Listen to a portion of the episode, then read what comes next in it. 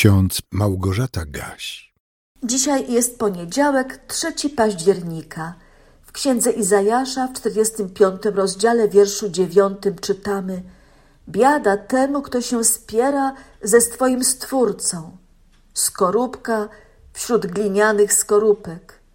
Czy glina może powiedzieć do tego, kto ją formuje, co robisz?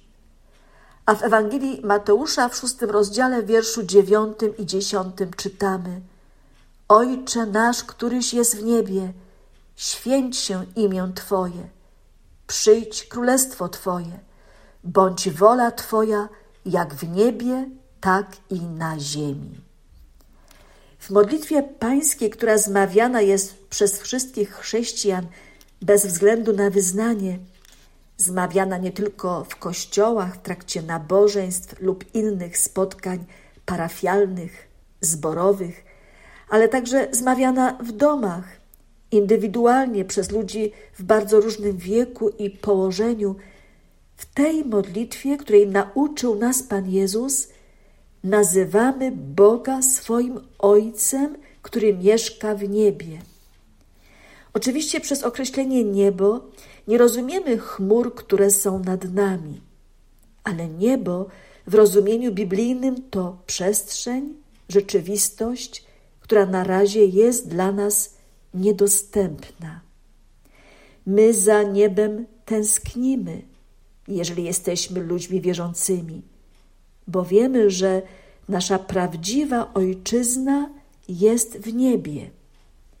Mówiąc bardzo krótko, niebo to miejsce, w którym jest Bóg. Tam już nie ma śmierci, zniszczenia, strachu, niepewności. Tam jest Bóg, który przebywa w bliskości ludzi zbawionych, tych wszystkich, którzy zostali okryci Chrystusową sprawiedliwością. Modlimy się do Boga Ojca i prosimy, by Jego imię było święte dla nas i wokół nas. I tak jak napisał ksiądz dr Marcin Luther w Małym Katechizmie, imię Boże jest wprawdzie samo przez się święte, lecz prosimy w tej modlitwie, aby i wśród nas było święte. Jak to się dzieje? Gdy Słowo Boże czysto i wiernie bywa nauczane, a my też święci jako dzieci Boże według Niego żyjemy, do czego nam dopomóż, kochany Ojcze w niebiesie. Kto zaś inaczej naucza i żyje, aniżeli Słowo Boże uczy, ten znieważa wśród nas imię Boże, od czego zachowaj nas, Ojcze Niebieski. Nazywamy Boga Ojcem i prosimy, aby to Jego wola działa się w niebie i na ziemi. Wyrażając taką prośbę, wyznajemy pośrednio, że Panem nieba i ziemi jest Bóg w Trójcy Świętej jedyny. To piękne i potrzebne wyznanie. Chodzi jeszcze o to, byśmy o nim nie zapominali w naszej codzienności. Jednym z biblijnych opisów, obrazów, relacji, jaka powinna istnieć pomiędzy Stwórcą a stworzeniem, Bogiem a człowiekiem, jest obraz garncarza i glinianego naczynia. Doskonale wiemy, że gliniany dzbanek, kubek czy miska nie mają nic do powiedzenia w ręku garncarza, bo to on decyduje, co zrobi z kawałkiem gliny. Takim garncarzem jest Pan Bóg, a człowiek jest jedynie gliną, z której on pragnie uformować pożyteczne naczynie. Czy glina może powiedzieć do tego, kto ją formuje, co robisz? Takie pytanie stawia nam Bóg ustami proroka Izajasza. Współcześni chrześcijanie niechętnie zastanawiają się nad sensem tego pytania, ponieważ żyjemy w czasach, gdy człowieka i jego wiedzę próbuje się mocno eksponować. Zewsząd słyszymy o tym, że człowiek może coraz więcej osiągnąć w różnych dziedzinach życia, począwszy od sportu, medycyny, a skończywszy na odkrywaniu tajemnic wszechświata.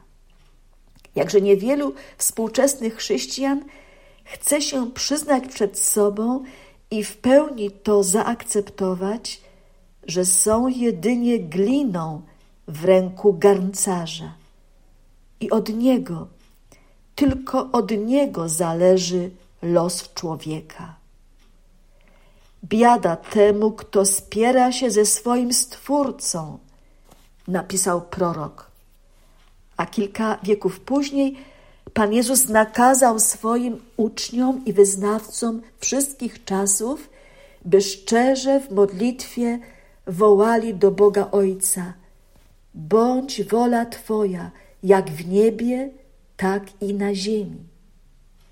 Co jest wolą Bożą dla mnie, dla Ciebie, dziś, teraz? Szukajmy odpowiedzi na to pytanie w Bożym Słowie. Jeżeli będziemy szukać szczerze i gorliwie, na pewno odpowiedź znajdziemy. Módlmy się. Dobry Boże, dziękujemy, że Ty w swej ojcowskiej miłości pozwalasz nam tak bezpośrednio do Ciebie przychodzić w modlitwie i szczerze z Tobą rozmawiać, tak jak dziecko rozmawia z kochającym Ojcem. Możemy zawsze liczyć na Twoją wszechmoc i obecność w naszym życiu. Naucz nas z pokorą przyjmować Twoją wolę i nie zapominać o tym, że Twoje rozstrzygnięcia są dla nas najlepsze.